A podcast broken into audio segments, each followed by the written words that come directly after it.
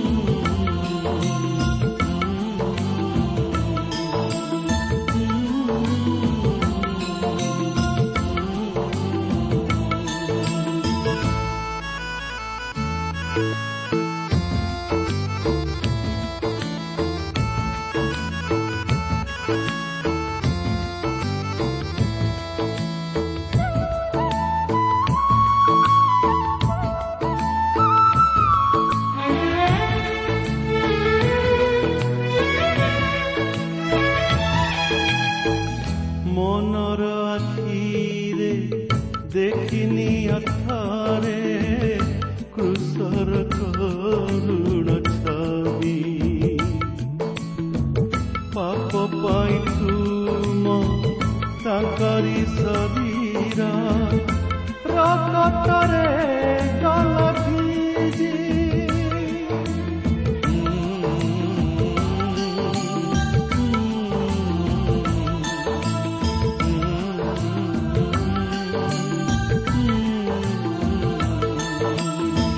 তুম পাপ রূপ গরল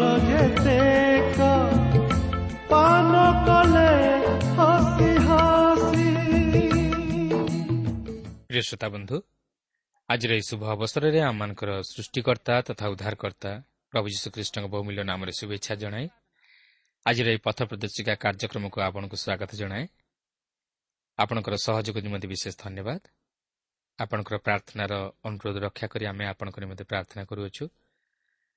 କେବଳ ସେତିକି ନୁହେଁ ଆପଣଙ୍କର ଅନୁରୋଧ ରକ୍ଷା କରି ଏକ ଉପାଦେୟ ପୁସ୍ତକ ମଧ୍ୟ ପଠାଇଛୁ ତାହା ବୋଧହୁଏ ଆପଣଙ୍କର ହସ୍ତଗତ ହୋଇସାରିଥିବ। ତେଣୁ ତାହା ଅଧ୍ୟୟନ କରନ୍ତୁ ଆଉ ତହିଁରୁ କି ଶିକ୍ଷା ଗ୍ରହଣ କଲେ ତୁରନ୍ତ ପତ୍ର ମାଧ୍ୟମରେ ଆମକୁ ଲେଖି ଜଣାନ୍ତୁ। ଆସନ୍ତୁ ପ୍ରଭୁଙ୍କର ବାକ୍ୟ ମଧ୍ୟକୁ ଯିବା ପୂର୍ବରୁ ସଂକ୍ଷେପରେ ପ୍ରାର୍ଥନା କରିବା। ପ୍ରିୟ ପବିତ୍ର ପ୍ରଭୁ ଆମଙ୍କର ଜୀବିତ ଈଶ୍ୱର ପ୍ରତିଜ୍ଞାରେ ବିଶ୍ୱସ୍ତ ପରମେଶ୍ୱର ପ୍ରଭୁ ତୁମର ଧନ୍ୟବାଦ କରୁଅଛି ସୁନ୍ଦର ସମୟ ପାଇଁ ତୁମର ଜୀବନ୍ତ ବାକ୍ୟ ପାଇଁ। ପ୍ରଭୁ ତୁମର ବାକ୍ୟ ମଧ୍ୟ ଦେଇ ଆମମାନଙ୍କୁ ତୁମର ସ୍ୱର ଶୁଣିବା ପାଇଁ ସାହାଯ୍ୟ କର।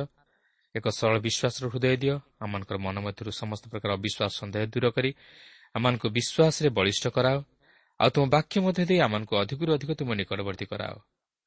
ଆଜିର ଏହି କାର୍ଯ୍ୟକ୍ରମ ମଧ୍ୟ ଦେଇ ପ୍ରତ୍ୟେକ ଶ୍ରୋତାବନ୍ଧୁମାନଙ୍କୁ ତୁମେ ଆଶୀର୍ବାଦ କର। ପ୍ରତ୍ୟେକଙ୍କର ମନସ୍କାମନା ତୁମେ ପୂର୍ଣ୍ଣ କର। ଯୀଶୁଙ୍କ ନାମରେ ମାଗୁଅଛୁ ଆମେନ୍।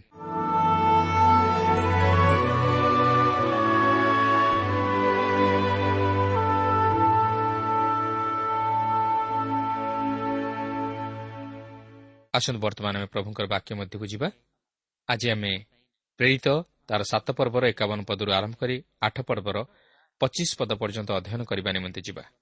ଆପଣଙ୍କର ମନେଥିବ ଗତ ପାଠରେ ଆମେ ସ୍ତିପାନଙ୍କ ବିଷୟରେ ଲକ୍ଷ୍ୟ କରିଥିଲୁ ଯିଏକି ଇସ୍ରାଏଲମାନଙ୍କୁ ସେମାନଙ୍କର ଇତିହାସ ମଧ୍ୟ ଦେଇ ଈଶ୍ୱରଙ୍କର ମହାନତାକୁ ଜଣାଇ ଦିଅନ୍ତି।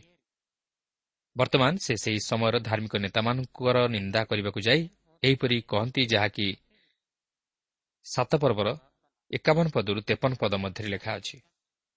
ହେ ଶକ୍ତଗ୍ରୀବ ପୁଣି ଅସୁନତି ହୃଦୟ ଓ କର୍ଣ୍ଣ ବିଶିଷ୍ଟ ଲୋକେ ଆପଣମାନେ ସର୍ବଦା ପବିତ୍ର ଆତ୍ମାଙ୍କର ପ୍ରତିରୋଧ କରୁଅଛନ୍ତି। ଆପଣମାନଙ୍କର ପିତୃପୁରୁଷମାନେ ଯେପରି ଆପଣମାନେ ମଧ୍ୟ ସେହିପରି। ଭାଓବାଦୀମାନଙ୍କ ମଧ୍ୟରୁ କାହାକୁ ଆପଣମାନଙ୍କର ପିତୃପୁରୁଷମାନେ ତାଡ଼ନା କରିନଥିଲେ ଯେଉଁମାନେ ସେହି ଧାର୍ମିକ ବ୍ୟକ୍ତିଙ୍କ ଆଗମନ ବିଷୟ ପୂର୍ବରୁ ଜଣାଇଥିଲେ ସେମାନଙ୍କୁ ସେମାନେ ବଦ୍ଧ କଲେ। ଏବେ ଆପଣମାନେ ତାହାଙ୍କୁ ଶତ୍ରୁ ହସ୍ତରେ ସମର୍ପଣ କରି ବଦ୍ଧ କରିଅଛନ୍ତି। ଆପଣମାନେ ଦୂତମାନଙ୍କ ଦ୍ୱାରା ଆଦିଷ୍ଟ ବ୍ୟବସ୍ଥା ପାଇଥିଲେ କିନ୍ତୁ ତାହା ପାଳନ କଲେ ନାହିଁ। ଶାରୀରିକ ଭାବେ ଦେଖିବାକୁ ଗଲେ ଏହି ଇସ୍ରାଏଲୀୟ ମାନେ ସୁନ୍ନତ ହୋଇଥିଲେ ଅର୍ଥାତ୍ ସେମାନଙ୍କର ପୁରୁଷମାନଙ୍କର ଲିଙ୍ଗାଗ୍ର ଚର୍ମ ଛେଦନ କରାଯାଇଥିଲା ଯାହାକି ଈଶ୍ୱରଙ୍କ ସହିତ ନିୟମର ଏକ ଚିହ୍ନ ସ୍ୱରୂପ ଥିଲା। କିନ୍ତୁ ସେମାନେ ଆତ୍ମିକ ଜୀବନରେ ହୃଦୟରେ କିମ୍ବା କର୍ଣ୍ଣରେ ସୁନ୍ନତ ହୋଇନଥିଲେ ଅନ୍ୟ ଅର୍ଥରେ କହିବାକୁ ଗଲେ ସେମାନଙ୍କର ହୃଦୟ ଓ କର୍ଣ୍ଣ ଈଶ୍ୱରଙ୍କ ବାକ୍ୟ ପ୍ରତି ସଜାଗ ନଥିଲା ଓ ସେମାନେ ତଦନୁଯାୟୀ ଜୀବନଯାପନ କରୁନଥିଲେ ଯାହାକି ସେମାନଙ୍କର ପୂର୍ବପୁରୁଷମାନେ ମଧ୍ୟ ସେହିପରି କରୁଥିଲେ। ସ୍ତିଫାନ୍ ଏଠାରେ ସେମାନଙ୍କୁ ଏହିପରି କହିବା ଦ୍ୱାରା ସେମାନଙ୍କର ସେହି ପୂର୍ବପୁରୁଷମାନଙ୍କର ମିଶ୍ରରୁ ଉଦ୍ଧାର ପାଇବା ବିଷୟ ସେମାନଙ୍କୁ ସ୍ମରଣ କରାଇ ଦିଅନ୍ତି। ଈଶ୍ୱର ମୂଷାଙ୍କୁ ସେମାନଙ୍କର ଉଦ୍ଧାରକର୍ତ୍ତା ସ୍ୱରୂପ କରି ପଠାଇଲେ ମାତ୍ର ସେମାନେ ମୂଷାଙ୍କୁ ଅଗ୍ରାହ୍ୟ କରି ତାହାଙ୍କର ଆଦେଶକୁ ମାନିଲେ ନାହିଁ।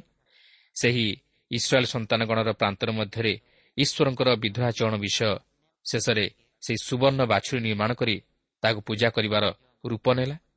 ସେହି ପ୍ରତିମା ପୂଜା ରୂପକ ମହାମାରୀ ସେହି ଦେଶରେ ବ୍ୟାପିବାକୁ ଲାଗିଲା ଓ ଶେଷରେ ବାବିଲୋନ୍କୁ ନିର୍ବାସିତ ହେବାର କାରଣ ହେଲା। ସ୍ତିଫାନ୍ ଜିଓସିଓଙ୍କ ନେତୃତ୍ୱ ପଦରେ ତାହା ସମାପ୍ତ କରନ୍ତି ଯେ କି ସେମାନଙ୍କୁ ସେହି କିଣା ଦେଶରେ ପ୍ରବେଶ କରାଇଲେ ଏବଂ ପ୍ରଭୁ ଯୀଶୁ ଯିଏକି ସ୍ୱର୍ଗକୁ ଯିବା ନିମନ୍ତେ ରାସ୍ତା ଖୋଲିଦେଲେ ଓ ସେ ନିଜେ ସେହି ରାସ୍ତା ହେଲେ। ସେ କହନ୍ତି ଯେ ବ୍ୟବସ୍ଥା ଏକ ଅଦ୍ଭୁତ ଭାବରେ ଦୂତମାନଙ୍କ ଦ୍ୱାରା ପ୍ରଦତ୍ତ ହେଲା ମାତ୍ର ସେମାନେ ତାହା ପାଳନ କରିପାରିଲେ ନାହିଁ। ସମ୍ଭବତଃ ସେମାନେ ଜାଣିଥିଲେ ଯେ ପ୍ରଭୁ ଯୀଶୁଖ୍ରୀଷ୍ଟଙ୍କର ଜନ୍ମ ବିଷୟ ଦୂତମାନଙ୍କ ଦ୍ୱାରା ପ୍ରଚାରିତ ହୋଇଥିଲା କିନ୍ତୁ ସେମାନେ ତାହାଙ୍କୁ ଶତ୍ରୁ ହସ୍ତରେ ସମର୍ପଣ କରି ବଧ କଲେ। ଏହା ହିଁ ଥିଲା ସେମାନଙ୍କର କାର୍ଯ୍ୟକଳାପ। ସେମାନେ ଖ୍ରୀଷ୍ଟଙ୍କୁ ପ୍ରଭୁ ଓ ଉଦ୍ଧାରକର୍ତ୍ତା ରୂପେ ଗ୍ରହଣ କରିପାରିଲେ ନାହିଁ। ଅପରପକ୍ଷରେ ବିଦ୍ରୋହ କଲେ ଯେପରି ସେମାନଙ୍କର ପୂର୍ବପୁରୁଷମାନେ କରିଥିଲେ। ଏହିପରି ଭାବରେ ସ୍ତିଫାନ୍ ସେମାନଙ୍କୁ ସେମାନଙ୍କର କାର୍ଯ୍ୟକଳାପ ନେଇ ତୀବ୍ର ସମାଲୋଚନା କରି ସେମାନଙ୍କର ନିନ୍ଦା କରନ୍ତି। ଆଜି କ'ଣ ଆମେ ସେହିପରି କରୁନାହୁଁ କି? ଆମେ ପ୍ରଭୁ ଯୀଶୁଖ୍ରୀଷ୍ଟଙ୍କଠାରେ ବିଶ୍ୱାସ କରୁନା କି ତାହାଙ୍କୁ ଉଦ୍ଧାର କରିଦେବା ରୂପେ ଗ୍ରହଣ କରିବାକୁ ଚାହୁଁନା? କିନ୍ତୁ ଅପରପକ୍ଷରେ ଆମେ ତାହାଙ୍କର ନିନ୍ଦା କରୁ ଓ ତାହାଙ୍କ ବିରୁଦ୍ଧରେ କଥା କହୁ ଓ ତାହାଙ୍କୁ ଅଗ୍ରାହ୍ୟ କରୁ। ତାହା ହିଁ ହେଉଛି ମନୁଷ୍ୟର ସ୍ୱଭାବ। ସେଦିନ ସ୍ତିଫାନ୍ ତାହା ହିଁ ସେହି ସମୟର ଲୋକମାନଙ୍କୁ ଜଣାଇ ଦେଇଥିଲେ ଓ ସେମାନଙ୍କର ହୃଦୟର ଭାବକୁ ପ୍ରକାଶ କରିଦେଇଥିଲେ କିନ୍ତୁ ସେମାନେ ସ୍ତିଫାନ୍ଙ୍କଠାରୁ ଏହିସବୁ ହୃଦୟବାଧକ କଥା ଶୁଣି ତାହାଙ୍କୁ ବଧ କରିବାକୁ ମନ୍ତ୍ରଣା କଲେ ଯାହାକି ସାତ ପର୍ବର ଚଉବନରୁ ଛପନ ପଦ ମଧ୍ୟରେ ଲେଖା ଅଛି। ଏହି ସମସ୍ତ କଥା ଶୁଣି ସେମାନେ ମର୍ମାହତ ହେଲେ ପୁଣି ତାଙ୍କ ପ୍ରତି ଦାନ୍ତ କଡ଼ମଡ଼ କରିବାକୁ ଲାଗିଲେ। କିନ୍ତୁ ସେ ପବିତ୍ର ଆତ୍ମାରେ ପୂର୍ଣ୍ଣ ହୋଇ ସ୍ୱର୍ଗ ପ୍ରତି ସ୍ଥିର ଦୃଷ୍ଟିରେ ଚାହିଁଲେ।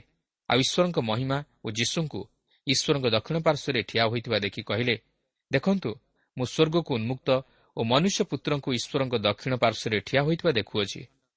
କିନ୍ତୁ ସେମାନେ ଉଚ୍ଚସ୍ୱରରେ ଚିତ୍କାର କରି ଆପଣା ଆପଣା କର୍ଣ୍ଣ ରୁଦ୍ଧ କଲେ ଆଉ ଏକ ଯୁଗରେ ତାଙ୍କ ଉପରେ ମାଡ଼ି ପଡ଼ିଲେ। ସ୍ତିଫାନ୍ ହେଉଛନ୍ତି ପ୍ରଥମ ବ୍ୟକ୍ତି ଯିଏକି ସୁଷମାଚାର ନିମନ୍ତେ ଶହୀଦ ହେଲେ। କିନ୍ତୁ ଏଠାରେ ପ୍ରଶ୍ନ ଉଠେ ଯେ ଯେହେତୁ ଈଶ୍ୱର ହେଉଛନ୍ତି ଆତ୍ମା ଓ ସେ ସର୍ବବ୍ୟାପୀ ତାହେଲେ ତାଙ୍କର ଦକ୍ଷିଣ ପାର୍ଶ୍ୱ କିପରି ଆମେ ସ୍ଥିର କରିପାରିବା ତେବେ ଏହି ଦକ୍ଷିଣ ପାର୍ଶ୍ୱ ସମ୍ଭ୍ରମ ଓ ସମ୍ମାନର ସ୍ଥାନ। ଈଶ୍ୱର ପ୍ରଭୁ ଶ୍ରୀଖ୍ରୀଷ୍ଟଙ୍କ ପ୍ରତି ପ୍ରତିଜ୍ଞା କରି କହିଥିଲେ ଯେ ସେ ତାହାଙ୍କୁ ମହିମାନ୍ୱିତ କରିବେ ଓ ସବୁ ନାମ ଉପରେ ତାହାଙ୍କୁ ମହାନାମ ଦେବେ। ତେଣୁକରି ପ୍ରଭୁ ଯୀଶୁଖ୍ରୀଷ୍ଟ ପିତା ଈଶ୍ୱରଙ୍କର ମହତ ଅଭିମତକୁ ସଫଳ କରିବା ପରେ ସେ ତାହାଙ୍କୁ ମହିମାନ୍ୱିତ କଲେ ଓ ସେହି ପ୍ରଭୁ ଯୀଶୁ ବର୍ତ୍ତମାନ ଈଶ୍ୱରଙ୍କର ଦକ୍ଷିଣ ପାର୍ଶ୍ୱରେ ଉପବିଷ୍ଟ। ଏଭ୍ରି ପ୍ରଥମ ପର୍ବର ତିନି ପଦରେ ଲେଖା ଅଛି ସେ ତାହାଙ୍କ ମହିମାର ପ୍ରଭା ଓ ତାହାଙ୍କ ତତ୍ତ୍ୱର ପ୍ରତିମୂର୍ତ୍ତି। ସେ ଆପଣ ଶକ୍ତିଯୁକ୍ତ ବାକ୍ୟ ଦ୍ୱାରା ସମସ୍ତ ବିଷୟ ଧାରଣ କରନ୍ତି ପୁଣି ପାପ ମାର୍ଜନା କଲା ଉତ୍ତରେ ଉର୍ଦ୍ଧ୍ୱସ୍ଥ ମହାମହିମଙ୍କ ଦକ୍ଷିଣ ପାର୍ଶ୍ୱରେ ଉପବେଶନ କରିଅଛନ୍ତି। ପ୍ରଭୁ ଯୀଶୁ ପିତାଙ୍କର ଦକ୍ଷିଣ ପାର୍ଶ୍ୱରେ ଉପବେଶନ କରିବାର ବିଷୟ ପ୍ରକାଶ କରେ ଯେ ତାହାଙ୍କର କାର୍ଯ୍ୟ ସମାପ୍ତ ହୋଇଅଛି ଓ ଆମମାନଙ୍କର ପରିତ୍ରାଣର କାର୍ଯ୍ୟ ମଧ୍ୟ ସମାପ୍ତ ହୋଇଅଛି। କିନ୍ତୁ ଏହାର ଅର୍ଥ ନୁହେଁ ଯେ ସେ ସେହି ପିତାଙ୍କର ଦକ୍ଷିଣ ପାର୍ଶ୍ୱରେ ନିରବରେ ଅଛନ୍ତି। ମାତ୍ର ସେ ତାହାଙ୍କର ଲୋକମାନଙ୍କର ମଙ୍ଗଳ ନିମନ୍ତେ ପିତା ଈଶ୍ୱରଙ୍କଠାରେ ନିତ୍ୟ ନିବେଦନ କରନ୍ତି ଓ ତାହାଙ୍କ ଲୋକମାନଙ୍କର ସୁରକ୍ଷା ପ୍ରତି ଦୃଷ୍ଟି ଦିଅନ୍ତି। ଏଠାରେ ସେ ସେହି ପ୍ରଥମ ଶହୀଦ ହୋଇଥିବା ସ୍ଥିପାନଙ୍କୁ ଗ୍ରହଣ କରିବାକୁ ପ୍ରସ୍ତୁତ ହୋଇ ଅପେକ୍ଷାରେ ଅଛନ୍ତି। ଅଠାବନ ପଦ ଲେଖା ଅଛି। ପୁଣି ସେମାନେ ତାଙ୍କୁ ନଗରରୁ ବାହାର କରିଦେଇ ପଥର ଫୋପାଡ଼ି ମାରିବାକୁ ଲାଗିଲେ। ଆଉ ସାକ୍ଷୀମାନେ ସାଉଲ ନାମକ ଜଣେ ଯୁବକଙ୍କ ପାଦ ପାଖରେ ଆପଣା ଆପଣା ବସ୍ତ୍ର ରଖିଲେ। ଏଠାରେ ଆମେ ଦୁଇ ଜଣ ଯୁବାଙ୍କୁ ଦେଖୁଅଛୁ। ଜଣେ ହେଉଛନ୍ତି ସ୍ତିପାନ ଓ ଅନ୍ୟ ଜଣକ ହେଉଛନ୍ତି ସାଉଲ। ଏଠାରେ ସେମାନେ ପ୍ରଥମ ଓ ଶେଷ ଥର ପାଇଁ ମିଳିତ ହେଉଛନ୍ତି। ସେମାନେ ପରସ୍ପର ଶତ୍ରୁ ଥିଲେ। ଏହି ସ୍ତିପାନଙ୍କର ମୃତ୍ୟୁ ପଛରେ ତାର୍ସର ସେହି ସାଉଲଙ୍କର ମଧ୍ୟ ହାତ ଥିଲା। କିନ୍ତୁ ସେହି ସାଉଲ ଯେ ଦିନେ ପାଉଲରେ ପରିଣତ ହେବେ ଏହା କିଏ ଜାଣିଥିଲା? ମୁଁ ଭାବୁଛି ଯଦି ଖ୍ରୀଷ୍ଟଙ୍କ ନିମନ୍ତେ ସାକ୍ଷୀ ହେବା ନିମନ୍ତେ ସାଉଲଙ୍କୁ କୌଣସି ବିଷୟ ପ୍ରଭାବିତ କରିଥାଏ ତାହେଲେ ତାହା ହେଉଛି ଏହି ସ୍ତିପାନଙ୍କ ମୃତ୍ୟୁ। ବାସ୍ତବରେ ସ୍ତିପାନଙ୍କ ମୃତ୍ୟୁ ଅତି ମର୍ମନ୍ତୁଦ ଘଟଣା ଥିଲା। ସେମାନେ ତାଙ୍କୁ ପଥର ମାରି ବଧ କଲେ। ତଥାପି ସ୍ତିପାନ ଖ୍ରୀଷ୍ଟଙ୍କୁ ଅସ୍ୱୀକାର କରିନଥିଲେ। ମାତ୍ର ସେ ତାହାଙ୍କ ନିମନ୍ତେ ସାକ୍ଷୀ ହୋଇଥିଲେ। ସେ ମଧ୍ୟ କାହାକୁ ଦୋଷାରୋପ କରିନଥିଲେ ବା କାହା ଉପରେ ଅଭିଶାପ ବର୍ତ୍ତାଇ ନଥିଲେ। ମାତ୍ର ସମସ୍ତ କିଛି ଖ୍ରୀଷ୍ଟଙ୍କ ନିମନ୍ତେ ସହ୍ୟ କରିଥିଲେ ଓ ସେମାନଙ୍କ ନିମନ୍ତେ ପ୍ରାର୍ଥନା କରିଥିଲେ। ଅଣଷଠି ଓ ଷାଠିଏ ପଦରେ ଲେଖା ଅଛି ଯେତେବେଳେ ସେମାନେ ସ୍ତିପାନଙ୍କୁ ପଥର ଫୋପାଡ଼ି ମାରୁଥିଲେ ସେତେବେଳେ ସେ ପ୍ରାର୍ଥନା କରି କହିଲେ ହେ ପ୍ରଭୁ ଯୀଶୁ ମୋର ଆତ୍ମା ଗ୍ରହଣ କର ପୁଣି ସେ ଆଣ୍ଠୁଇ ପଡ଼ି ଉଚ୍ଚସ୍ୱରରେ ଡାକି କହିଲେ ହେ ପ୍ରଭୁ ଏହି ପାପ ଏମାନଙ୍କ ବିରୁଦ୍ଧରେ ଗଣନା କର ନାହିଁ। ସେ ଏହା କହି ମହାନିଦ୍ରା ପ୍ରାପ୍ତ ହେଲେ।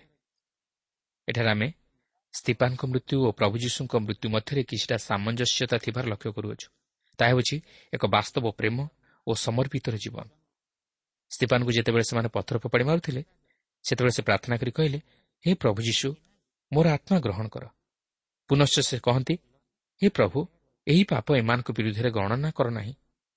ଯାହାକି ପ୍ରଭୁ ଯୀଶୁଙ୍କର ସେହି କୃଷି ବାଣୀ ମଧ୍ୟରେ ସାମଞ୍ଜସ୍ୟତା ଥିବାର ପରିଲକ୍ଷିତ ହୁଏ। ଏହାପରେ ସ୍ତିପାନ ମୃତ୍ୟୁବରଣ କଲେ। କିନ୍ତୁ ସ୍ତିପାନ ତାହାଙ୍କର ମୃତ୍ୟୁ ପରେ ସେହି ପ୍ରଭୁ ଯୀଶୁଖ୍ରୀଷ୍ଟଙ୍କର ଉପସ୍ଥିତି ମଧ୍ୟରେ ପ୍ରବେଶ କଲେ ଯିଏକି ତାହାଙ୍କୁ ସାକ୍ଷାତ କରିବା ନିମନ୍ତେ ଅପେକ୍ଷା କରି ଛିଡ଼ା ହୋଇଥିଲେ। କାରଣ ସେ ସେହି ଦୃଶ୍ୟ ତାହାଙ୍କର ମୃତ୍ୟୁ ପୂର୍ବରୁ ଦେଖିଥିଲେ। ସ୍ତିପାନ ହେଉଛନ୍ତି ମଣ୍ଡଳୀର ପ୍ରଥମ ଶହୀଦ ଯିଏକି ପ୍ରଭୁ ଯୀଶୁଙ୍କ ସହିତ ରହିବା ନିମନ୍ତେ ତାହାଙ୍କ ନିକଟକୁ ଗଲେ। ବାସ୍ତବରେ ସେଦିନ ସ୍ତିପାନଙ୍କର ଏହି ପ୍ରକାର ମୃତ୍ୟୁ ସାଉଲଙ୍କ ନିମନ୍ତେ ଏକ ମହାନ ସାକ୍ଷ୍ୟ ସ୍ୱରୂପ ଥିଲା। ସାଉଲ ଯଦି ପ୍ରଭୁ ଯୀଶୁଙ୍କର ବାସ୍ତବ ପ୍ରେମର ପରିଚୟ ପାଇଥାନ୍ତି ଓ ସୁଷମାଚାର ନିମନ୍ତେ ପଦକ୍ଷେପ ନେଇଥାନ୍ତି ତାହେଲେ ଏହି ସ୍ତିପାନଙ୍କର ମୃତ୍ୟୁ ତାହାଙ୍କ ନିମନ୍ତେ ଏକ ସାକ୍ଷ୍ୟ ସ୍ୱରୂପ କାର୍ଯ୍ୟ କରିଥିଲା। ସ୍ତିପାନଙ୍କର ମୃତ୍ୟୁ ସାଉଲଙ୍କ ଜୀବନକୁ ପ୍ରଭାବିତ କରିପାରିଥିଲା। ସେ ସ୍ତିପାନଙ୍କ ଜୀବନରୁ ଅନେକ କିଛି ବିଷୟ ଶିକ୍ଷା କରିଥିଲେ ଯାହାକି ତାଙ୍କର ପରବର୍ତ୍ତୀ ଜୀବନରେ ସୁଷମାଚାର ପ୍ରଚାର କ୍ଷେତ୍ରରେ ବିଶେଷ ସହାୟକ ହୋଇପାରିଥିଲା। ସ୍ତିପାନଙ୍କର ନିର୍ଭୀକତା ସତ୍ୟନିଷ୍ଠା ପ୍ରେମ ସମର୍ପିତ ଜୀବନ ସାଉଲଙ୍କର ପରବର୍ତ୍ତୀ ଜୀବନରେ ଏକ ଗଭୀର ରେଖାପାତ କରିଥିଲା ଓ ସାଉଲଙ୍କର ଜୀବନକୁ ପାଉଲରେ ପରିଣତ କରିଦେଇଥିଲା। ପ୍ରତାରକ ପରିବର୍ତ୍ତେ ପ୍ରଚାରକ ତାଳନାକାରୀ ପରିବର୍ତ୍ତେ ପ୍ରାର୍ଥନାକାରୀରେ ପରିଣତ କରିଦେଇଥିଲା।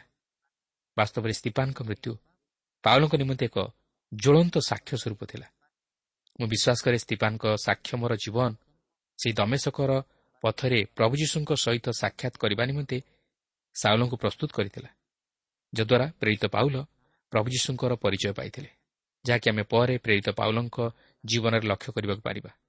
ତେ ମୋର କହିବାର କଥା ଆଜି ଆମେ ଏହି କାର୍ଯ୍ୟକ୍ରମ ଶୁଣିବା ପରେ ଆମେ ଆମ ଜୀବନରେ କେଉଁପରି ପଦକ୍ଷେପ ଗ୍ରହଣ କରିବା ନିମନ୍ତେ ସିଦ୍ଧାନ୍ତ ନେଇଛୁ।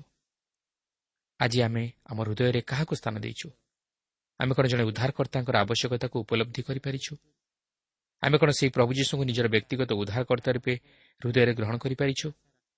ଆଜି ଏହି ପ୍ରଶ୍ନ ନିଜ ନିଜକୁ କରୁ ତାହେଲେ ଆମେ ସେଦିନର ସେହି ଇସ୍ରାଏଲୀୟମାନଙ୍କର ପ୍ରତି ଅଙ୍ଗୁଳି ଦେଖାଇବା ପରିବର୍ତ୍ତେ ନିଜର ଦୋଷ ତ୍ରୁଟିକୁ ଦେଖିପାରିବା ଓ ସେହି ଉଦ୍ଧାରକର୍ତ୍ତାଙ୍କର ଆବଶ୍ୟକତାକୁ ଉପଲବ୍ଧି କରି ତାହାଙ୍କୁ ନିଜ ହୃଦୟ ମଧ୍ୟକୁ ପାଛୁଟି ଆଣିବା। ବର୍ତ୍ତମାନ ଆମେ ଏହି ଆଠ ପର୍ବର ବାର ପର୍ବ ମଧ୍ୟରେ ଜିହୁଦା ପ୍ରଦେଶ ଓ ସମୀରଣରେ ପବିତ୍ର ଆତ୍ମାଙ୍କ ଦ୍ୱାରା ଖ୍ରୀଷ୍ଟଙ୍କର କାର୍ଯ୍ୟକୁ ଲକ୍ଷ୍ୟ କରିବାକୁ ଯିବା। ସାତ ପର୍ବର ଶେଷରେ ଆମେ ଏକ ଅସମ୍ଭବ ପ୍ରକାରର ଘଟଣା ଘଟିବାର ଲକ୍ଷ୍ୟ କରିଥିଲୁ ଯାହାକି ଦୁଇ ଜଣ ଯୁବକଙ୍କୁ ନେଇ ଘଟିଥିଲା ଯେଉଁମାନେ କି ସେହି ସମୟର ଆଦ୍ୟ ମଣ୍ଡଳୀକୁ ବିଶେଷ ଭାବେ ପ୍ରଭାବିତ କରିପାରିଥିଲେ। ଜଣେ ଥିଲେ ସ୍ତିପାନ ଯିଏକି ଖ୍ରୀଷ୍ଟଙ୍କ ନିମନ୍ତେ ନିଜର ଜୀବନକୁ ଦେଲେ ଓ ମଣ୍ଡଳୀ ମଧ୍ୟରେ ଯଦି କେହି ଶହୀଦ ହୋଇଥାନ୍ତି ତାହେଲେ ସେ ହେଉଛନ୍ତି ପ୍ରଥମ ବ୍ୟକ୍ତି।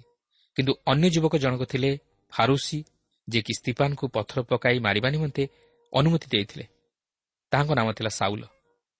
କିନ୍ତୁ ସେ ପରେ ପାଉଲରେ ପରିଣତ ହେଲେ। ତେବେ ଏହି ସାଉଲ କିପରି ପ୍ରଧାନ ତାଡ଼ନାକାରୀ ଭାବରେ ମଣ୍ଡଳୀକୁ ତାଡ଼ନା କଲେ ଓ ମଣ୍ଡଳୀ କିପରି ଛିନ୍ନଭିନ୍ନ ହୋଇଗଲା ତାହା ଆମେ ବର୍ତ୍ତମାନ ଅଧ୍ୟୟନ କରିବା ପାଇଁ ଯିବା। ଆଠ ପର୍ବର ପ୍ରଥମ ପଦରେ ଏହିପରି ଲେଖା ଅଛି ସାଉଲ ତାଙ୍କ ପ୍ରାଣନାଶରେ ସମ୍ମତ ଥିଲେ। ସେହିଦିନ ଜିରୁସାଲାମରେ ଥିବା ମଣ୍ଡଳୀ ପ୍ରତି ଅତିଶୟ ତାଡ଼ନା ଘଟିଲା। ସେଥିରେ ପ୍ରେରିତମାନଙ୍କ ଛଡ଼ା ଅନ୍ୟ ସମସ୍ତେ ଜିଉଦା ପ୍ରଦେଶ ଓ ସମୀରଣ ଅଞ୍ଚଳ ସମୂହର ଚାରିଆଡ଼େ ଛିନ୍ନଭିନ୍ନ ହୋଇଗଲେ। ସାଉଲ ସ୍ତିପାନଙ୍କ ପ୍ରତି ତାଡ଼ନା ଘଟାଇବାରେ ନେତୃତ୍ୱ ନେଇଥିଲେ ଓ ସେ ଲୋକମାନଙ୍କୁ ତାହା କରିବା ନିମନ୍ତେ ମତାଇଥିଲେ ମାତ୍ର ସ୍ତିପାନଙ୍କର ସାକ୍ଷମର ଜୀବନ ସାଉଲଙ୍କର ଜୀବନକୁ ପ୍ରଭାବିତ କରିପାରିଥିଲା।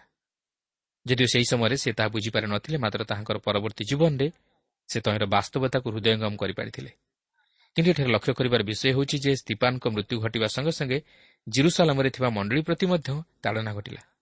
ଓ ଏହି ତାଡ଼ନା ଘଟାଇବା ପଛରେ ସାଉଲଙ୍କର ହାତ ଥିଲା।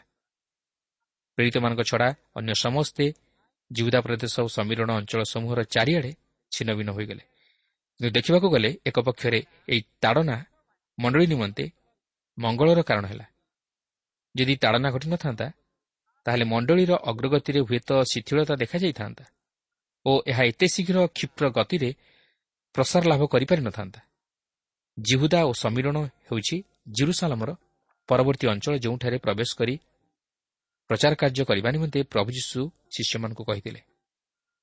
ଜିହୁଦା ପ୍ରଦେଶ ଜିରୁସାଲାମକୁ ଘେରି କରି ରହିଥିଲା ଓ ସମୀରଣ ଜିରୁସାଲାମର ଉତ୍ତର ପାର୍ଶ୍ୱରେ ଥିଲା। ଆଠ ପର୍ବର ଦୁଇ ପଦରେ ଲେଖା ଅଛି ତଥାପି କେତେକ ଜଣ ଭକ୍ତ ଲୋକ ସ୍ତିପାନଙ୍କୁ ସମାଧି ଦେଇ ତାଙ୍କ ନିମନ୍ତେ ବହୁତ ବିଳାପ କଲେ। ନିଃସନ୍ଦେହରେ କୁହାଯାଇପାରେ ଯେ ସ୍ତିପାନଙ୍କ ଶରୀର ଭୟଙ୍କର ଭାବେ କ୍ଷତାକ୍ତ ହୋଇଥିଲା କାରଣ ସେମାନେ ତାହାଙ୍କୁ ପଥର ପକାଇ ମାରିଥିଲେ। ମାତ୍ର କେତେକ ଜଣ ଭକ୍ତ ଲୋକ ସ୍ତିପାନଙ୍କର ସେହି ମୃତ ଶରୀରକୁ ନେଇ ସମାଧି ଦେଲେ। କିନ୍ତୁ ସ୍ତିପାନଙ୍କ ଆତ୍ମା ଖ୍ରୀଷ୍ଟଙ୍କର ଉପସ୍ଥିତି ମଧ୍ୟକୁ ଚାଲିଗଲା ଯେ କି ତାହାଙ୍କ ନିମନ୍ତେ ଅପେକ୍ଷା କରି ରହିଥିଲେ। କିନ୍ତୁ ତାହାଙ୍କର ସେହି ଶରୀର ଭୂଗର୍ଭକୁ ଗଲା ସେହି ପୁନରୁତ୍ଥାନର ପ୍ରତୀକ୍ଷା ନିମନ୍ତେ। କାରଣ ପ୍ରଥମ କରିଥିବା ପନ୍ଦର ପର୍ବର ବୟାଳିଶରୁ ଚଉରାଳିଶ ପଦରେ ଏହିପରି ଲେଖା ଅଛି ମୃତମାନଙ୍କର ପୁନରୁତ୍ଥାନ ମଧ୍ୟ ସେହି ପ୍ରକାର। କ୍ଷୟରେ ବୁଣାଯାଏ ଅକ୍ଷୟ ହୋଇ ଉତ୍ଥିତ ହୁଏ ଅନାଦରରେ ବୁଣାଯାଏ ଗୌରବାନ୍ୱିତ ହୋଇ ଉତ୍ଥିତ ହୁଏ ଦୁର୍ବଳତାରେ ବୁଣାଯାଏ ସବଳ ହୋଇ ଉତ୍ଥିତ ହୁଏ ପ୍ରାକୃତିକ ଶରୀର ବୁଣାଯାଏ ଆତ୍ମିକ ଶରୀର ଉତ୍ଥିତ ହୁଏ ଯଦି ପ୍ରାକୃତିକ ଶରୀର ଅଛି ତେବେ ଆତ୍ମିକ ଶରୀର ସୁଦ୍ଧା ଅଛି। ଏହା ହେଉଛି ଖ୍ରୀଷ୍ଟ ବିଶ୍ୱାସୀ ସମାଧି ପାଇବାର ବାସ୍ତବ ଛବି। କିନ୍ତୁ ଖ୍ରୀଷ୍ଟ ବିଶ୍ୱାସୀ ସମାଧି ପାଏ ନା ଚିରଦିନ ପାଇଁ ଲୁପ୍ତ ହୋଇଯିବା ଲାଗି ମାତ୍ର ପୁନରୁତ୍ଥାନ ନିମନ୍ତେ ସୁରକ୍ଷିତ ହୋଇ ରୁହେ ଏହା ହେଉଛି ଖ୍ରୀଷ୍ଟ ବିଶ୍ୱାସୀମାନଙ୍କ ନିମନ୍ତେ ଏକ ମହାନ ଭରସା ଯେ ସେ ପ୍ରଭୁ ଯୀଶୁଖ୍ରୀଷ୍ଟଙ୍କର ଏହି ଜଗତକୁ ଦ୍ୱିତୀୟ ଆଗମନ ସମୟରେ ମୃତ୍ୟୁରୁ ପୁନରୁଦ୍ଧିତ ହୋଇ ସେହି ଖ୍ରୀଷ୍ଟଙ୍କ ସହିତ ମଧ୍ୟାକାଶରେ ମିଳିତ ହେବ। ଯାହାକି ଆମେ ଥେସଲନିକ ଚାରି ପର୍ବର ଷୋହଳ ସତର ପଦରେ ଉଲ୍ଲେଖ ହୋଇଥିବାର ଲକ୍ଷ୍ୟ କରିବାକୁ ପାରୁ। ବାସ୍ତବରେ ଏହା ହିଁ ହେଉଛି ଖ୍ରୀଷ୍ଟ ବିଶ୍ୱାସୀମାନଙ୍କ ନିମନ୍ତେ ଏକ ମହାନ ଭରସା। ଏହାପରେ ଆଠ ପର୍ବର ତିନି ପଦରେ ଏହିପରି ଲେଖା ଅଛି କିନ୍ତୁ ସାଉଲ ଘରେ ଘରେ ପଶି ପୁରୁଷ ଓ ସ୍ତ୍ରୀ ଲୋକମାନଙ୍କୁ ଟାଣି ଆଣି କାରାଗାରରେ ସମର୍ପଣ କରି ମଣ୍ଡଳୀକୁ ଉଚ୍ଛିନ୍ନ କରିବାକୁ ଲାଗିଲେ। ଏହା ହିଁ ଥିଲା ଖ୍ରୀଷ୍ଟଙ୍କର ପରିଚୟ ପାଇବା ପୂର୍ବରୁ ସାଉଲଙ୍କର ଜୀବନ। ଖ୍ରୀଷ୍ଟୀୟ ମଣ୍ଡଳୀ ମଧ୍ୟରେ ତାଡ଼ନା ଘଟାଇବାରେ ସେ ସକ୍ରିୟ ଅଂଶଗ୍ରହଣ କରିଥିଲେ। ଏହି ପ୍ରକାର କାର୍ଯ୍ୟ କରିବାରେ ସେ ବଡ଼ ଉଦ୍ୟୋଗୀ ଥିଲେ। ଫିଲିପିଓ ତିନି ପର୍ବର ଛଅ ପଦରେ ଲେଖା ଅଛି ଉଦ୍ୟୋଗ ସମ୍ବନ୍ଧରେ ମଣ୍ଡଳୀର ଜଣେ ତାଡ଼ନାକାରୀ ପୁଣି ବ୍ୟବସ୍ଥାଗତ ଧାର୍ମିକତା ସମ୍ବନ୍ଧରେ ନିର୍ଦ୍ଦୋଷ ଦେଖାଯାଇଥିଲି ଯାହାକି ପାଉଲ ନିଜ ବିଷୟ ନେଇ ପ୍ରକାଶ କରନ୍ତି। ଆପଣ ଦେଖନ୍ତୁ ଏକଥା ସାଉଲ ପାଉଲରେ ପରିଣତ ହେବା ପରେ ସେ ନିଜର ବିଷୟ ଓ କାର୍ଯ୍ୟକଳାପକୁ ନିଜେ ପ୍ରକାଶ କରନ୍ତି। ବାସ୍ତବରେ ସାଉଲ ପାଉଲରେ ପରିଣତ ହେବା ପୂର୍ବରୁ ଖ୍ରୀଷ୍ଟୀୟ ମଣ୍ଡଳୀ ପ୍ରତି ତାଡ଼ନା ଘଟାଇବାରେ ସେ ଅତି ତତ୍ପର ଥିଲେ। ଆଠ ପର୍ବର ଚାରିପଦରେ ଏହିପରି ଲେଖା ଅଛି ସେଥିରେ ଯେଉଁମାନେ ଛିନ୍ନ ଭିନ୍ନ ହୋଇଥିଲେ ସେମାନେ ଚତୁର୍ଦିଗରେ ଭ୍ରମଣ କରୁ କରୁ ସୁଷମାଚାରର ବାକ୍ୟ ପ୍ରଚାର କଲେ। ଏଠାରେ ଆମେ ତାଡ଼ନାର ପ୍ରଭାବ କିପରି ଥିଲା ତାହା ଲକ୍ଷ୍ୟ କରୁଅଛୁ। ପ୍ରକୃତରେ ଦେଖିବାକୁ ଗଲେ ଏହି ତାଡ଼ନା ମଣ୍ଡଳୀର ଅଗ୍ରଗତିରେ ପ୍ରତିବନ୍ଧକ ସୃଷ୍ଟି କରିପାରିନଥିଲା। ବରଂ ମଣ୍ଡଳୀର ପ୍ରସାର ଦିଗରେ ସହାୟକ ହୋଇଥିଲା। ସେଥିପାଇଁ ପାଉଲ ତାଙ୍କର ପରବର୍ତ୍ତୀ ଜୀବନରେ ଯେତେବେଳେ କି ସେ ବନ୍ଦୀ ହୋଇ କାରାଗାରରେ ଥିଲେ ସେତେବେଳେ ଏହି ବିଷୟକୁ ଦୃଷ୍ଟି ଆଗରେ ରଖି ଏହିପରି ସାକ୍ଷ୍ୟ ଦିଅନ୍ତି ଯାହାକି ଫିଲିପି ପ୍ରଥମ ପର୍ବର ବାର ପଦରେ ଲେଖା ଅଛି ହେ ଭାଇମାନେ ମୋ ପ୍ରତି ଯାହା ଯାହା ଘଟିଅଛି ସେହିସବୁ ଯେ ବରଂ ସୁଷମାଚାର କାର୍ଯ୍ୟର ବୃଦ୍ଧି ନିମନ୍ତେ ହୋଇଅଛି ଏହା ତୁମମାନଙ୍କୁ ଜଣାଇବାକୁ ମୁଁ ଇଚ୍ଛା କରେ। ପ୍ରକୃତରେ ଦେଖିବାକୁ ଗଲେ ଖ୍ରୀଷ୍ଟୀୟ ମଣ୍ଡଳୀ ବାହାରୁ ଆଘାତ ପ୍ରାପ୍ତ ହୁଏ ନାହିଁ। ଅର୍ଥାତ୍ ବାହାର ଲୋକଙ୍କ ଦ୍ୱାରା ଆଘାତ ପ୍ରାପ୍ତ ହୁଏ ନାହିଁ ମାତ୍ର ଏହା ଭିତରୁ ଆଘାତ ପ୍ରାପ୍ତ ହୋଇଥାଏ ଅର୍ଥାତ୍ ଯେଉଁମାନେ ମଣ୍ଡଳୀର ଅନ୍ତର୍ଭୁକ୍ତ ସେମାନଙ୍କ ଦ୍ୱାରା ବିଶେଷ ଆଘାତ ପ୍ରାପ୍ତ ହୋଇଥାଏ। ସାଧାରଣତଃ ଓଡ଼ିଆରେ ଏକ ପ୍ରବାଦ ଅଛି ବାହାର ଚୋର ଯଦି ଘରେ ପଶି ଚୋରି କରେ ତାହେଲେ ତାହାକୁ ଧରିବା ସହଜ। ମାତ୍ର ଘର ଚୋର ଯଦି ଘରୁ ଚୋରି କରେ ତାହେଲେ ତାହାକୁ ଧରିବା କଷ୍ଟକର। ସେହିପରି ଖ୍ରୀଷ୍ଟୀୟ ମଣ୍ଡଳୀ ବାହାରୁ ଆଘାତପ୍ରାପ୍ତ ହେଲେ ଏହା ବିଶେଷ କ୍ଷତିଗ୍ରସ୍ତ ହୁଏ ନାହିଁ। ମାତ୍ର ଏହା ଯଦି ଭିତରୁ ଆଘାତପ୍ରାପ୍ତ ହୁଏ ତାହେଲେ ତାହା ବିଶେଷ କ୍ଷତିକାରକ ହୋଇଥାଏ ଯାହାକି ଆମେ ଏହି ପର୍ବରେ ମଧ୍ୟ ଲକ୍ଷ୍ୟ କରିବାକୁ ପାରିବା। ବର୍ତ୍ତମାନ ଆମେ ଆଉ ଜଣେ ବ୍ୟକ୍ତିଙ୍କ ବିଷୟ ନେଇ ଲକ୍ଷ୍ୟ କରିବାକୁ ଯିବା ସେ ହେଉଛନ୍ତି ଫିଲିପ ଯେ କି ସ୍ତିପାନଙ୍କ ମୃତ୍ୟୁ ପରେ ସୁଷମାଚାରର ସାକ୍ଷୀ ହେବା ନିମନ୍ତେ ଆଗେଇ ଆସିଥିଲେ ଓ ଈଶ୍ୱର ତାହାଙ୍କୁ ମଧ୍ୟ ଅତି ଚମତ୍କାର ଭାବରେ ବ୍ୟବହାର କଲେ। ଆଠ ପର୍ବର ପାଞ୍ଚ ଓ ଛଅ ପଦରେ ଲେଖା ଅଛି ପୁଣି ଫିଲିପ ସମୀରଣର ପ୍ରଧାନ ନଗରକୁ ଯାଇ ଲୋକମାନଙ୍କ ନିକଟରେ ଖ୍ରୀଷ୍ଟଙ୍କୁ ଘୋଷଣା କରିବାକୁ ଲାଗିଲେ ଆଉ ଲୋକସମୂହ ଫିଲିପଙ୍କ କଥା ଶୁଣି ଓ ତାଙ୍କ କୃତ ଆଶ୍ଚର୍ଯ୍ୟ କର୍ମ ସବୁ ଦେଖି ଏକଚିତରେ ତାଙ୍କ କଥାରେ ମନୋଯୋଗ କରୁଥିଲେ। ପ୍ରଭୁ ଯୀଶୁଖ୍ରୀଷ୍ଟ ସେମାନଙ୍କୁ କହିଥିଲେ ଯେ ସେମାନେ ଜିରୁସାଲାମ ସମଗ୍ର ଜିହୁଦା ପ୍ରଦେଶ ଓ ସମୀରଣ ପୁଣି ପୃଥିବୀର ପ୍ରାନ୍ତ ପର୍ଯ୍ୟନ୍ତ ସୁଦ୍ଧା ମୋର ସାକ୍ଷୀ ହେବ। ଆଉ ବର୍ତ୍ତମାନ ଆପଣ ଦେଖନ୍ତୁ ଯେ ପ୍ରଭୁଙ୍କର ବାକ୍ୟ ସମୀରଣ ଅଞ୍ଚଳ ମଧ୍ୟରେ ପ୍ରଚାରିତ ହେବାକୁ ଯାଉଅଛି। ଆମେ ଦେଖିଥିଲୁ ଯେ ସ୍ତିପାନଙ୍କ ଦ୍ୱାରା ମଧ୍ୟ ମହାମହା ଅଦ୍ଭୁତ କର୍ମ ଓ ଲକ୍ଷଣ ସାଧିତ ହୋଇଥିଲା ଓ ଏଠାରେ ଆମେ ଫିଲିପଙ୍କ ଜୀବନରେ ମଧ୍ୟ ତାହା ହିଁ ଲକ୍ଷ୍ୟ କରୁ। ତାହାଙ୍କୁ ମଧ୍ୟ ଈଶ୍ୱର ସେହିପରି ଅଦ୍ଭୁତ କର୍ମ ଓ ଲକ୍ଷଣ ସାଧନ କରିବା ନିମନ୍ତେ ଦାନ ଦେଇଥିଲେ। କିନ୍ତୁ ସମସ୍ତଙ୍କୁ ସେହିପରି ଦାନ ଦିଆଯାଇ ନଥିଲା ମାତ୍ର ସେହିମାନଙ୍କୁ ଦିଆଯାଇଥିଲା ଯେଉଁମାନେ କି ଈଶ୍ୱରଙ୍କ ବାକ୍ୟ ନେଇ ଜଗତ ନିକଟରେ ପହଞ୍ଚାଉଥିଲେ ମୁଖ୍ୟତଃ ପ୍ରେରିତମାନଙ୍କୁ। ମାତ୍ର ଦିନ ଆସିଲା ଏହି ଅଦ୍ଭୁତ କର୍ମ ଓ ଲକ୍ଷଣ ଧୀରେ ଧୀରେ ଉଭେଇ ଯିବାକୁ ଲାଗିଲା। ବିଶେଷତଃ ପ୍ରେରିତମାନଙ୍କ ପରେ ଏହା ଆଉ ବିଶେଷ ଦେଖାଗଲା ନାହିଁ କାରଣ ଈଶ୍ୱରଙ୍କ ବାକ୍ୟ ଲିଖିତ ଆକାରରେ ପ୍ରକାଶିତ ହେବାକୁ ଲାଗିଲା। ଜଣେ ସତ୍ୟ ଈଶ୍ୱରଙ୍କ ବ୍ୟକ୍ତିଙ୍କର ପରିଚୟକରଣ ଆଶ୍ଚର୍ଯ୍ୟ ଶକ୍ତିର କାର୍ଯ୍ୟ ସାଧନ କରିବା ଉପରେ ନିର୍ଭର ନ କରି ଈଶ୍ୱରଙ୍କ ବାକ୍ୟର ସତ୍ୟତାକୁ ପ୍ରଚାର କରିବା ଉପରେ ନିର୍ଭର କଲା। କିନ୍ତୁ ଏହାର ଅର୍ଥ ନୁହେଁ ଯେ ଈଶ୍ୱରଙ୍କର ସେହି ଆଶ୍ଚର୍ଯ୍ୟ କର୍ମର କାର୍ଯ୍ୟ ସାଧକ ଶକ୍ତି ତାଙ୍କର ଲୋକମାନଙ୍କ ମଧ୍ୟରେ କାର୍ଯ୍ୟ କରେ ନାହିଁ। ମାତ୍ର ଈଶ୍ୱରଙ୍କ ବାକ୍ୟ ଲିଖିତ ଆକାରରେ ପ୍ରକାଶିତ ହେବା ପରେ ସେହି ସମସ୍ତ ଆଶ୍ଚର୍ଯ୍ୟ ଶକ୍ତିର କାର୍ଯ୍ୟ ଉପରେ ବିଶେଷ ଗୁରୁତ୍ୱ ଦିଆଯାଏ ନାହିଁ। ମାତ୍ର ଈଶ୍ୱରଙ୍କ ବାକ୍ୟର ସତ୍ୟତା ଉପରେ ବିଶେଷ ଗୁରୁତ୍ୱ ଦିଆଯାଏ। ଆଦ୍ୟ ମଣ୍ଡଳୀ ଯୁଗରେ ଈଶ୍ୱରଙ୍କର ସତ୍ୟତାକୁ ଜାଣିବା ନିମନ୍ତେ ବା ପ୍ରମାଣିତ କରିବା ନିମନ୍ତେ ସମସ୍ତ ଅଦ୍ଭୁତ କର୍ମ ଓ ଲକ୍ଷଣ ଚିହ୍ନ ସ୍ୱରୂପେ ବ୍ୟବହୃତ ହେଉଥିଲା। ମାତ୍ର ବର୍ତ୍ତମାନ ସେପରି ନୁହେଁ। ବର୍ତ୍ତମାନ ଈଶ୍ୱରଙ୍କ ବାକ୍ୟ ତହିଁର ସତ୍ୟତାକୁ ବା ଈଶ୍ୱରଙ୍କର ସତ୍ୟତାକୁ ପ୍ରମାଣିତ କରେ। ସେହି ବାକ୍ୟ ମଧ୍ୟ ଦେଇଗଲେ ଆମେ ଈଶ୍ୱରଙ୍କର ସତ୍ୟତାକୁ ଜାଣିପାରିବା ଓ ସେ ସେହି ବାକ୍ୟ ମଧ୍ୟ ଦେଇ ଆମମାନଙ୍କ ହୃଦୟରେ ତାହାଙ୍କର ଆଶ୍ଚର୍ଯ୍ୟ ଶକ୍ତିର କାର୍ଯ୍ୟ ସାଧନ କରିବେ। ଆଜି ବି ଜଣେ ଖ୍ରୀଷ୍ଟ ବିଶ୍ୱାସୀ ଈଶ୍ୱରଙ୍କ ବାକ୍ୟ ମଧ୍ୟ ଦେଇ ଈଶ୍ୱରଙ୍କୁ ଜାଣିଥାଏ ଓ ତାଙ୍କର ଆଶ୍ଚର୍ଯ୍ୟ ଶକ୍ତିକୁ ଉପଲବ୍ଧି କରିଥାଏ। ତେଣୁ ପ୍ରେରିତିକ ଯୁଗରେ ଯେଉଁ ସମସ୍ତ ଅଦ୍ଭୁତ କର୍ମ ଲକ୍ଷଣମାନ ସାଧିତ ହେଉଥିଲା ବର୍ତ୍ତମାନ ଯୁଗରେ ସେହିପରି ଘଟୁ ବୋଲି ଆଶା କରିବା ବା ସେହିପରି କାହିଁକି ଘଟୁନାହିଁ ବୋଲି ପ୍ରଶ୍ନ କରିବା ଯଥାର୍ଥ ନୁହେଁ ବା ଯୁକ୍ତିଯୁକ୍ତ ନୁହେଁ। କିନ୍ତୁ ଈଶ୍ୱରଙ୍କ ବାକ୍ୟ ମଧ୍ୟ ଦେଇ ଈଶ୍ୱରଙ୍କୁ ଜାଣିବା ଓ ନିଜର ଜୀବନକୁ ସମୀକ୍ଷା କରିବା ଓ ପ୍ରଭୁ ଯୀଶୁଙ୍କଠାରେ ବିଶ୍ୱାସ କରିବା ହେଉଛି ଗୁରୁତ୍ୱପୂର୍ଣ୍ଣ ବିଷୟ। କାରଣ ଈଶ୍ୱର ବର୍ତ୍ତମାନ ତାହାଙ୍କର ବାକ୍ୟ ମଧ୍ୟ ଦେଇ କଥା କହିବା ପାଇଁ ଚାହାନ୍ତି। ତେବେ ସାତ ଓ ଆଠ ପଦରେ ଆମେ ଦେଖୁ ଯେ ଖ୍ରୀଷ୍ଟଙ୍କ ସୁଷମାଚାର ସମୀରଣରେ ବ୍ୟାପି ଯାଇଛି ଓ ଫିଲିପଙ୍କର ସେହି ସମସ୍ତ ଆଶ୍ଚର୍ଯ୍ୟ କର୍ମ ସବୁ ଦେଖି ଲୋକେ ମଧ୍ୟ ସୁଷମାଚାର ପ୍ରତି ଆକୃଷ୍ଟ ହୋଇଅଛନ୍ତି ଓ ସେହି ଅଞ୍ଚଳର ଲୋକମାନେ ମହା ଆନନ୍ଦ ମଧ୍ୟ କରୁଅଛନ୍ତି।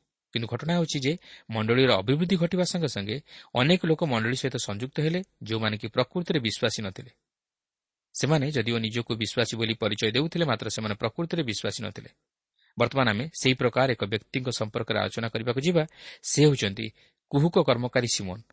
ଦେଖନ୍ତୁ ଆଠ ପର୍ବର ନଅ ପଦରୁ ତେର ପଦ ମଧ୍ୟରେ ଆମେ ସିମୋନଙ୍କର କାର୍ଯ୍ୟକଳାପ ଦେଖିବାକୁ ପାରୁଅଛୁ। ତାହାର କାର୍ଯ୍ୟ ଥିଲା କୁହୁକ କର୍ମ କରି ଲୋକମାନଙ୍କୁ ଆଚମିତ କରାଇବା ଓ ନିଜକୁ ଜଣେ ମହାପୁରୁଷ ବୋଲି ଲୋକମାନଙ୍କ ନିକଟରେ ପରିଚିତ କରାଇବା। ମାତ୍ର ଫିଲିପ ଯେତେବେଳେ ଈଶ୍ୱରଙ୍କ ରାଜ୍ୟ ଓ ଯୀଶୁଖ୍ରୀଷ୍ଟଙ୍କ ନାମ ବିଷୟକୁ ସୁଷମାଚାର ପ୍ରଚାର କରୁଛନ୍ତି ସେତେବେଳେ ସେହି ସମୀରଣର ଲୋକମାନେ ବିଶ୍ୱାସ କରି ବାପ୍ତିଜିତ ହେଉଛନ୍ତି।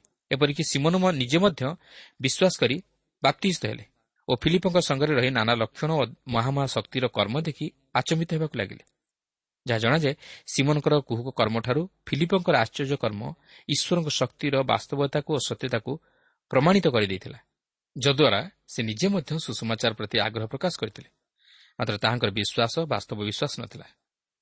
ସେ କେବଳ ସେହି ସମସ୍ତ ଆଶ୍ଚର୍ଯ୍ୟକର୍ମ ଓ ଅଦ୍ଭୁତ ଲକ୍ଷଣ ସବୁ ଦେଖି ତହିଁରେ ବିଶ୍ୱାସ କରିଥିଲେ ମାତ୍ର ବାସ୍ତବ ଭାବରେ ହୃଦୟର ସହିତ ଖ୍ରୀଷ୍ଟଙ୍କଠାରେ ବିଶ୍ୱାସ କରିନଥିଲେ ଯଦିଓ ସେ ବିଶ୍ୱାସ କରି ବାପ୍ତିଷ୍ମ ଗ୍ରହଣ କରିଥିଲେ ମାତ୍ର ସେ ସମ୍ପୂର୍ଣ୍ଣ ମନ ପରିବର୍ତ୍ତନ କରିନଥିଲେ ତାଙ୍କ ଜୀବନରେ ବାସ୍ତବ ପରିବର୍ତ୍ତନ ନଥିଲା କି ସେ ଖ୍ରୀଷ୍ଟଙ୍କୁ ଉଦ୍ଧାରକର୍ତ୍ତା ରୂପେ ହୃଦୟରେ ଗ୍ରହଣ କରିନଥିଲେ କାରଣ ଆମେ ଏହାର ପରବର୍ତ୍ତୀ ଅଂଶଟିକୁ ଅଧ୍ୟୟନ କଲେ ଜାଣିପାରିବା ଯେ ସେହି କୁହୁକ କର୍ମକାରୀ ସିମୋନଙ୍କର ବିଶ୍ୱାସ ବାସ୍ତବ ବିଶ୍ୱାସ ବା ମନ ପରିବର୍ତ୍ତନ ନଥିଲା।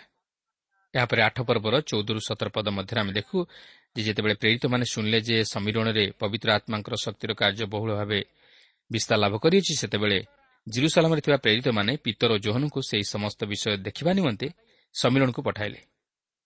ଏହାପରେ ଅଠର ଉଣେଇଶ ପଦରେ ଆମେ ଦେଖୁ ଯେ ସିମୋନ ଟଙ୍କା ଦେଇ ସେହି ଦାନକୁ କିଣିବାକୁ ଚାହିଁଥିଲା କାରଣ ସେ ସେହି ଦାନ ଦ୍ୱାରା ନିଜର ଲାଭ ଉଠାଇବାକୁ ଚାହିଁଥିଲା। ଯେହେତୁ ସେ ଏଥିପୂର୍ବରୁ ମଧ୍ୟ କୁହୁକ କର୍ମ ଦ୍ୱାରା ଲୋକମାନଙ୍କୁ ଆଚମ୍ବିତ କରି ନିଜକୁ ଜଣେ ମହାପୁରୁଷ ବୋଲି ଦେଖାଇ ହେଉଥିଲା। ଆଜି ମଧ୍ୟ ଈଶ୍ୱରଙ୍କଠାରୁ ପାଇଥିବା ଦାନକୁ ଲୋକେ ଈଶ୍ୱରଙ୍କୁ ଗୌରବ ଦେବା ଉଦ୍ଦେଶ୍ୟରେ ବ୍ୟବହାର ନ କରି ନିଜର ସ୍ୱାର୍ଥ ହାସଲ ନିମନ୍ତେ ବ୍ୟବହାର କରନ୍ତି ଓ ନିଜର ଗୌରବ ଅନ୍ୱେଷଣ କରନ୍ତି ଯଦ୍ୱାରା ମଣ୍ଡଳୀର ଅଗ୍ରଗତିରେ ବାଧା ଉପଜେ ଓ ଖ୍ରୀଷ୍ଟଙ୍କର ଅଗୌରବ ମଧ୍ୟ ହୁଏ। ଏହାପରେ କୋଡ଼ିଏରୁ ତେଇଶ ପଦରେ ଆମେ ଦେଖୁ ଯେ ପିତର ଏଠାରେ ସିମନକୁ କହନ୍ତି ସିମନ ତୁମର ହୃଦୟ ଈଶ୍ୱରଙ୍କ ନିକଟରେ ସୂଚୀ ନୁହେଁ ତୁମେ ବାସ୍ତବରେ ମନ ପରିବର୍ତ୍ତନ କରିନାଅ। ତୁମର ହୃଦୟରେ ତୁମେ କେବଳ ଟଙ୍କାକୁ ସ୍ଥାନ ଦେଇଛ। ମାତ୍ର ଯୀଶୁଙ୍କୁ ନୁହେଁ। ତୁମେ କେବଳ ଟଙ୍କା ପ୍ରତି ଲାଳାୟିତ ମାତ୍ର ନିଜର ଉଦ୍ଧାର ନିମନ୍ତେ ଲାଳାୟିତ ନୁହଁ। ଏହା ହେଉଛି ତୁମର ଦୁର୍ବଳତା। ଏହାପରେ ସିମନ ତାଙ୍କୁ କି ଉତ୍ତର ଦେଉଛନ୍ତି? ଦେଖନ୍ତୁ ଚବିଶ ଓ ପଚିଶ ପଦରେ ଲେଖା ଅଛି ସେଥିରେ ସିମନ ଉତ୍ତର କଲା ଆପଣମାନେ ଯାହା ଯାହା କହିଲେ ସେଥିରୁ କୌଣସି ବିଷୟ ଯେପରି ମୋ ପ୍ରତି ନ ବର୍ତ୍ତେ ଏଥିପାଇଁ ଆପଣମାନେ ମୋ ନିମନ୍ତେ ପ୍ରଭୁଙ୍କ କ୍ଷମରେ ପ୍ରାର୍ଥନା କରନ୍ତୁ। ଏହି ପ୍ରକାରେ ସେମାନେ ସାକ୍ଷ୍ୟ ଦେଇ ଓ ପ୍ରଭୁଙ୍କ ବାକ୍ୟ କହି ସମୀରଣୀୟମାନଙ୍କ ଅନେକ ଗ୍ରାମରେ ସୁଷମାଚାର ପ୍ରଚାର କରୁ କରୁ ଜିରୁସାଲମକୁ ବାହୁଡ଼ିଗଲେ। ଦେଖନ୍ତୁ ସିମୋନ ନିଜର ଉଦ୍ଧାର ନିମନ୍ତେ ପ୍ରାର୍ଥନା କରୁନାହାନ୍ତି ବା ନିଜର ପରିତ୍ରାଣ ନିମନ୍ତେ ପ୍ରାର୍ଥନା କରୁନାହାନ୍ତି। ମାତ୍ର ପିତଙ୍କର କହିବା ଅନୁଯାୟୀ ସେହି ସମସ୍ତ ଭୟଙ୍କର ବିଷୟ ଓ ଈଶ୍ୱରଙ୍କର କ୍ରୋଧ ଯେପରି ତାହାଙ୍କ ପ୍ରତି ନ ବର୍ତ୍ତେ ଏଥି ନିମନ୍ତେ ସେମାନଙ୍କୁ ପ୍ରାର୍ଥନା କରିବାକୁ କହୁଛନ୍ତି। ଠିକ୍ ସେହିପରି। ଆଜି ଅନେକ ଲୋକ ଅଛନ୍ତି ଯେଉଁମାନେ କି ନିଜର ସମସ୍ୟାରୁ ଉଦ୍ଧାର ପାଇବା ପାଇଁ ବା ଈଶ୍ୱରଙ୍କ କ୍ରୋଧରୁ ରକ୍ଷା ପାଇବାକୁ ଚାହାନ୍ତି। ମାତ୍ର ସେମାନେ ପାପରୁ ଉଦ୍ଧାର ପାଇବାକୁ ଚାହାନ୍ତି ନାହିଁ। ତେଣୁ ଆସୁ ଆମେ ପାପରୁ ଉଦ୍ଧାର ପାଇବା ପାଇଁ ଚେଷ୍ଟା କରୁ।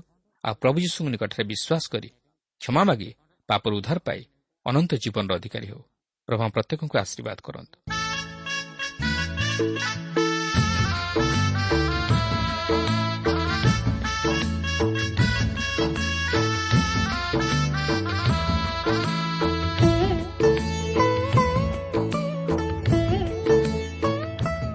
ପ୍ରିୟ ଶ୍ରୋତା ଆମର କାର୍ଯ୍ୟକ୍ରମ ନିୟମିତ ଶୁଣୁଥିବାରୁ ଅଶେଷ ଧନ୍ୟବାଦ।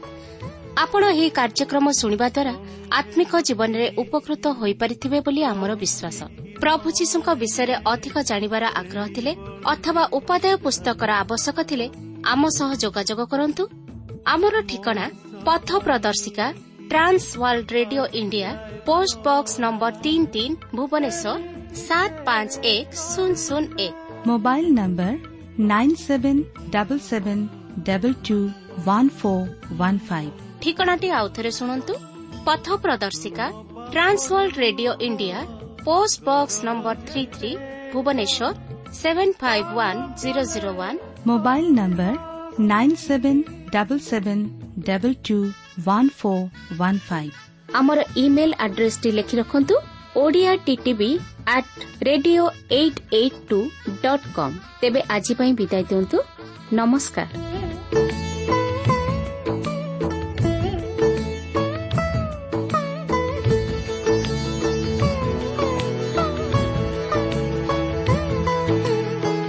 ସନ୍ଦେହ କିଛି ରହିଛି କି ମନେ ସେଇଭଳି ଦାନ